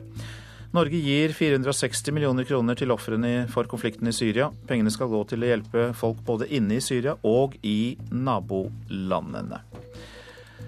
Og så er det tid for Politisk kvarter, Alf Hartken. Og der eh, skal dere, akkurat som vi hørte i Dagsnytt, eh, snakke om Senterpartiet. Ja, vi må jo spørre hvor veien går videre, og hvem som skal stå i eh, spissen for det. Trygve Slagsvold Vedum kommer til Politisk kvarter. Det gjør også landbruksminister Sylvi Listhaug. Hun vil slippe de private konkurrentene til i landbruket, de som hun mener den tidligere regjeringen har oversett i årevis. Det er den samme Vedum ikke helt enig i.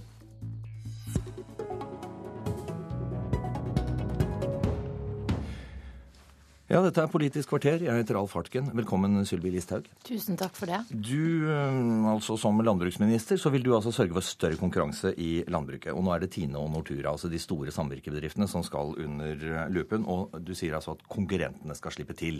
De som ingen har hørt på i, eh, gjennom eh, åtte år, ifølge deg. Tine og Nortura de skal altså i tillegg til å levere mat, de skal også sørge for forsyningssikkerhet og prisregulering av matvarer. Og det er først og fremst denne markedsreguleringsrollen du vil ha gjennomgått nå. Det, hvor vil du med dette? Nei, det jeg ønsker, det er at vi skal ha en ordning som gjør at vi får økt konkurranse. I Norge så har vi et marked der Tine f.eks. dominerer 85% av melkemarkedet.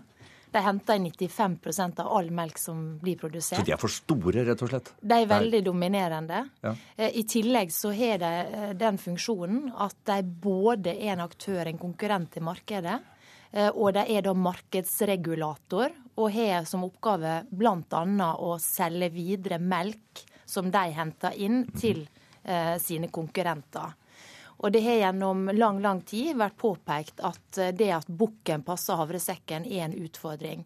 Og Derfor så mener jeg det er på høy tid å ha en full gjennomgang av markedsreguleringsordningene, for å se på om vi skal gjøre endringer, for å se på om vi skal ha markedsreguleringsordninger. Men, men, ja, gjennomgangen er greit. En, en, klok politiker konkluderer sjelden før du har en utredning på bordet, i hvert fall ikke så kompliserte systemer som dette her. Men du vil jo et sted. Altså, målet med dette må jo være å få inn flere aktører da, og åpne opp for mer konkurranse. Der er dere jo rimelig klare. Ja, helt klare. Og det er klart at hvis du ser på kjøttmarkedet, så har Nortura fra 65 til 73% av markedet, avhengig av hvilket kjøttslag det er. Mm. Sånn at det er en veldig dominans i markedet. Og denne regjeringa er opptatt av at forbrukerne skal få flere valgmuligheter.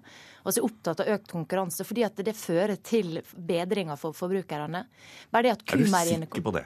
Ja, jeg er helt sikker på helt det. Sikker på. Og jeg kan gi et eksempel jo, men, nei, men, på det også. Ja, ja, men det kommer, det. Ja, eh, de, altså det, de, det var jo de som først kom med skrukorker, som norske forbrukere er veldig glad i. De kom på det, dette altså. konseptet med 1,75 liter melk, mm. som norske småbarnsfamilier er glad i. Sånn at det, da må alle alle parter skjerpe seg når de, når de må konkurrere mot noe. Den tidligere landbruksministeren, nestleder i Senterpartiet, Trygve Slagsvold Vedum, sitter ved siden av meg her, men før han får ordet, Listhaug. Altså, innovasjon er bra, skrukorker er fint, men altså, Tine og Nortura skal også ta seg av ting som markedsregulering, altså at prisene til bøndene holdes stabile og er like over hele landet. Og de skal ikke minst sørge for forsyningssikkerhet. Mange vil jo da mene at dette, dette, er for viktige oppgaver til at du skal uh, slippe markedskreftene helt løs på det? Ja, vi skal ha en gjennomgang nå, men jeg mener vi må se på om vi kan organisere denne rollen annerledes, sånn at ikke de både har en rolle som markedsregulator og som aktør i markedet. Så Derfor så skal det settes ned en arbeidsgruppe, og nå er det på tide at alternative røster kommer til orde i landbrukspolitikken. De som Vedum ikke har hørt på? Ja, gjennom ja, alle år. Det var jo en fin overgang til deg. Har dere neglisjert de private aktørene på dette markedet, altså konkurrentene til Tino og Nortura i eh, åtte år, sånn som eh, Listhaug heter? Nei, det har vi absolutt ikke gjort. Og Samvirke er også en privat aktør. Eh, og det som den rød-grønne regjeringa og Senterpartiet har tro på, er at det private også kan ha gode løsninger, ikke alltid staten. For det som har blitt skissert som alternativet til en privat markedsregulering, som vi har gjort gjennom eh, Tine, Nortura Norske Felleskjøp, er jo at staten skal gå inn mer og markedsregulere. Men hva er poenget med, med samvirkets rolle? Jo, det ene hovedpoenget er at vi ønsker å ha et landbruk i hele landet. At vi skal ha mulighet til å drive landbruk i Lofoten, i Finnmark, i, i vestlandsfjordene. Og da må vi ha et system der er en mottaksplikt, og det har vi i dag. At Nortura må hente kjøtt. Uansett hvor det produseres kjøtt i Norge, så må de hente det kjøttet. Og Tine må hente mjølk. Sjøl på den minste lille mjølkebruk så må Tine hente mjølka. Og det har i hvert fall vært en politisk målsetning at vi skal ha landbruk fra Finnmark i nord til Sognefjorden, og ikke bare rundt eh, de store enige, byene. Alle er enig i det? Den, alle sier det er enig. Ja. Og det som vi har valgt, er jo da å ha en enkel og god løsning. At samvirket har tatt på seg den jobben for oss som samfunn. Ja, Og så får og de skal... denne dobbeltrollen ja. som uh, Listhaug uh, tydeligvis da er ute etter. Den viktigste jobben de har, har hatt, altså de har hatt en mottaksplikt. Mm. Det har vært en bærebjelke for at det skal ha et landbruk i hele landet. I tillegg så har de hatt en forsyningsplikt. Det har de også. Som f.eks. Synnøve Finden, som er i mitt uh, fylke. Uh, når de skal ha melk, så har Tine plikt til å gi dem melk når de trenger det. Synnøve Finden kan også stenge ned anlegget sitt f.eks. i jula. Uh, og da må bare Tine kjøre mjølka en annen vei. Nettopp for å ha fått en oppgave fra samfunnet for å sikre råvarer til alle. Og så har man i Tine og Nortura skilt en Tine råvare og en tiende marked. altså at Du har da en egen råvarepris. Så være, er godt nok? Ja, det skal være veldig klart opplyst hva som er råvarekost, sånn at de skal konkurrere likt når det gjelder da på selve foredlingsbiten. Men, men det Listhaug, har det kommet en, det er en del som mener at de utnytter denne plikten. Ja, er det, det grunnlaget for at du nå må undersøke dette? Ja, fordi at eh, private aktører har jo stilt spørsmålstegn ved om f.eks. prissettinga på melk er riktig. At mm. det gir en, en rettferdig konkurransesituasjon. Så jeg mener det er all grunn til å se nærmere på dette. her, og det er klart De siste åtte åra nå så har jo samvirka hatt bukta og alle fordi at de er så tett integrert med Senterpartiet. Det samme er bondelagene. Du snakker om vertikal integrering i, i markeds Altså i matkjedene og sånn, og det har jo også vært vertikal integrering mellom departementet og, ja, og bondeorganisasjonene. Men det der er jo sånn et generelt triks når du ikke har noen argumenter, så kommer du med påstander. Og så Spørsmålet er ønsker Listhaug å ha et landbruk i hele landet. Eh, og Hvis svaret på det er nei, så er det forstått greit nok. Da, da er det på en måte ærlig. Eh, men hvis svaret er ja, så må hun ha et system for å hente de varene. Jo, men Kan og, og, ikke det systemet se helt annerledes ut enn i dag? Ja, og Da må det mye mer stat inn. Og vi ønsker ikke mer stat inn i det her. Da må det jo mer offentlig støtte, mye mer byråkrati. Det høres ikke ja, men, men, men spørsmålet nå er for Det høres ikke ut som uh, Fremskrittspartipolitikk uh, hvis det er alternativet, slik uh, Vedum skisserer? Det, det viktigste for meg er å legge til rette for at du kan få økt konkurranse. Du kan få flere private aktører. Og det er det som er poenget med å ha denne gjennomgangen. Mm. Eh, og Derfor så skal vi sette ned en arbeidsgruppe der vi også skal hente inn personer som du ikke ville hørt på de siste åra, og som har alternative tanker til hvordan norsk landbrukspolitikk mm. kan organiseres. Stoler du ikke på de miljøene som har lagt premissene til nå? Altså, Det har vært en ensretting. Det har vært veldig lite diskusjoner om eh, landbrukspolitikk fordi alle var rørende enige fra Bøndenes hus og til departementet og rundt om forbi. Så nå er det på høy tid å ta og lufte ut og se nærmere på det. og det er derfor skal... Altså, landbruksministeren snakker om, eh, snakker om en utredning. og ja, det høres ut som du tolker det som en krigserklæring. Nei, altså, for først er det veldig viktig å huske at mangfoldet i norske dagligvarebutikker, eller, eller ikke butikkene, men markedet totalt, har aldri vært større enn det er nå. Eh, for vi har stimulert til mangfold og gjort bevisste valg for å stimulere til mangfold. Det har vært en, en målretta satsing. Og så er det det Listhaug ikke svarer på, er ja, vil eh, Fremskrittspartiet ha et landbruk i hele landet? Og Ja. hvis man vil ha et landbruk i hele landet, så må man ville noen virkemidler. Og et av virkemidlene har vært nettopp at eh, også Nortura må hente kjøttet også, også de ulønnsomme bedriftene, altså de små, små gårdene. Og det har vært et politisk målsetning. Men hvis du ikke har den målsetningen, så selvfølgelig kan du bruke helt andre virkemidler. Det rekker du å svare på før du må løpe ut Ja, av studio for å rekke møtet. Ja, vi vil ha et landbruk i hele landet. Nå svarte jeg ikke på det fordi programlederen svarte at det vil alle i Norge. Det er det politisk enighet om at vi skal ha, men vi er uenige om virkemidler. Eh, Og hvis du ser rundt oss, så har det sett en deregulering på landbruket. Og det mener jeg på høy tid at vi får til også i Norge. Du skal, du skal altså ut av dette studioet og møte samvirkebedriftene, hele landbrukssamvirket, eh, om, om kort tid. Hva forventer du egentlig? Nei, jeg forventer å møte en stor og engasjert forsamling. Jeg gleder meg veldig til å, å komme ut der. Det er jo et kjempeengasjement rundt denne konferansen. Det er Ja, mange flere enn i fjor, så landbrukspolitikk er virkelig i Ja, vinden. og så er det viktig å huske de bedriftene her. altså Tina Nortura alene, de har flere ansatte enn hele norsk fiskeriforedling på land. Så det er store, tunge konsern. Mm. Snakker ikke- Og de har en stor samfunnsoppgave. Og det er bl.a. at vi skal ha et landbruk i hele landet og trygghet rundt norsk forsyning og norsk matproduksjon. Og vi snakker om en ganske stor sektor, det har dere helt rett i. Takk skal du ha, Sylvi Listhaug. Du skal altså ut og møte landbrukssamvirket.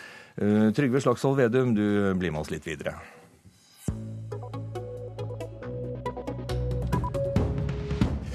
Ja, Der forsvant landbruksministeren, men uh, i går uh, Trygve Slagsvold Vedum, nestleder i Senterpartiet nå, nå bytter vi hatt. Jeg har vel jeg hadde vel hatt du, hadde, tror du hadde vel for så vidt den også. Men i går stilte altså hele sentralstyret og hele ledertroikaen i Senterpartiet sine plasser til disposisjon foran dette ekstraordinære eh, landsmøtet i eh, april. Eh, og etter pressekonferansen så møttes altså du, eh, Vedum, Ola Borten Moe og Marit Arnstad på hennes eh, kontor. Var det det første med møtet i den nye Senterpartiledelsen? Altså, det var jo helt tilfeldig, for vi skulle diskutere jeg, og- ja, ja, jeg og Ja, okay. Det var veldig hyggelig, da. og Vi diskuterte selvfølgelig situasjonen i partiet òg, men eh, grunnen for at jeg var der, var at vi skulle diskutere politikk og spontanspørretimen i dag. Og det er det som er så bra nå, at nå har Liv Signe tatt, tatt noen grep. Navarsete har tatt noen grep.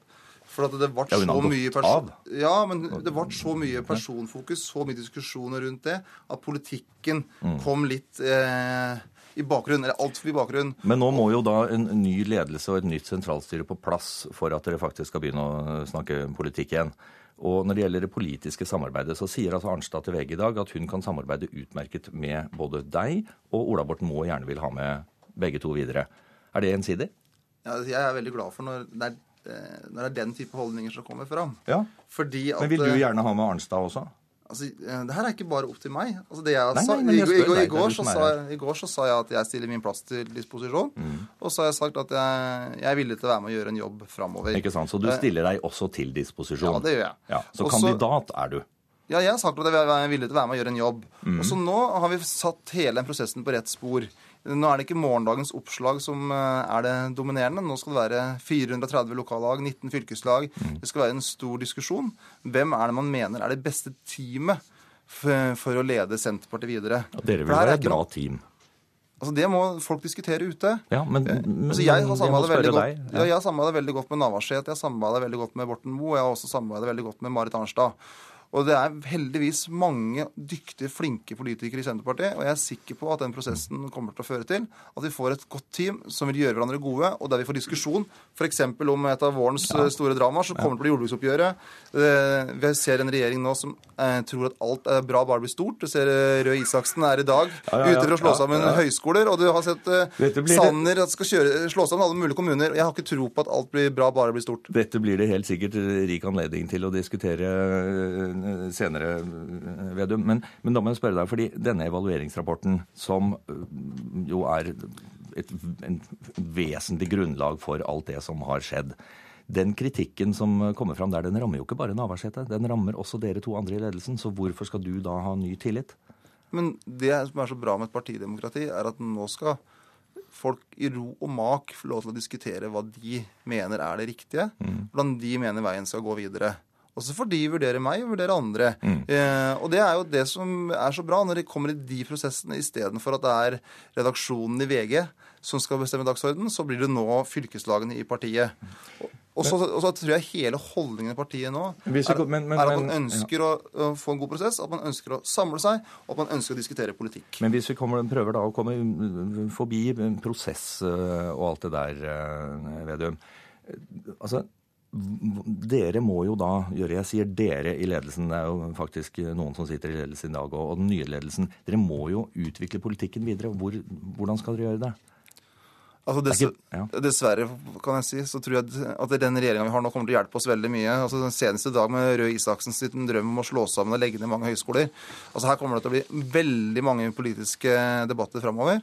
Og så har Senterpartiet en friere rolle nå i Stortinget. eh, Og vi har gode broer til Arbeiderpartiet og SV fra før, og vi kommer til å bygge enda bedre broer til KrF og Venstre i tida som kommer. Så her vil det bli veldig mye politikk. Men klart at det, det å ha en tydelig røst i distriktspolitikken, landbrukspolitikken, matpolitikken, troa på at ikke alt er stort, er godt, det tror jeg er viktig for Norge framover. Takk skal du ha, Vedum. Magnus uh, Takvam, eh, hva må en ny Senterpartiledelse nå sette i gang med raskt? Nei, Først må du jo etablere den ledelsen eh, og faktisk få et team. Eh, det er den kortsiktige jobben som valgkomiteen etter hvert skal gå løs på. Og det er interessant å legge merke til at alle de tre skal vi si, i topp, eh, toppnavnene som eh, verserer, eh, er- snakker bra om hverandre og, og ser på hverandre som eh, personer de kan samarbeide med. slik at det er et signal om at f.eks. Ola Borten Moe, Marit Arnstad og Trygve Slagsvold Vedum alle kan bli del av denne nye toppledelsen. Men geografi blir da stadig trukket frem. Ja, to og- trøndere og Slagsvold Vedum. Ja, og Der antyder da Marit Arnstad at eh, det ikke bør være noe hinder hvis eh, disse personene har de egenskapene som skal til for å samle partiet eh, og, og utvikle ny politikk som de sårt trenger. Og så må man selvfølgelig ta hensyn til de delene av landet og de miljøene som da føler at de ikke blir representert i toppledelsen, på andre måter å, å sikre det. Og det vil, eh, det vil de, andre, de i andre deler av landet gå med på, tror du? Eller? Det er det store spenningsmomentet. Det er opplagt at en del av de som eh, følte at uh, Navarsete ble urettferdig behandlet, nå eh, ikke uten videre godtar den løsningen. Men det må partiet løse hvis de skal eh, utvikle seg politisk og, og få fred og ro. Takk skal du ha, Magnus Takvam. Hør flere podkaster på nrk.no podkast.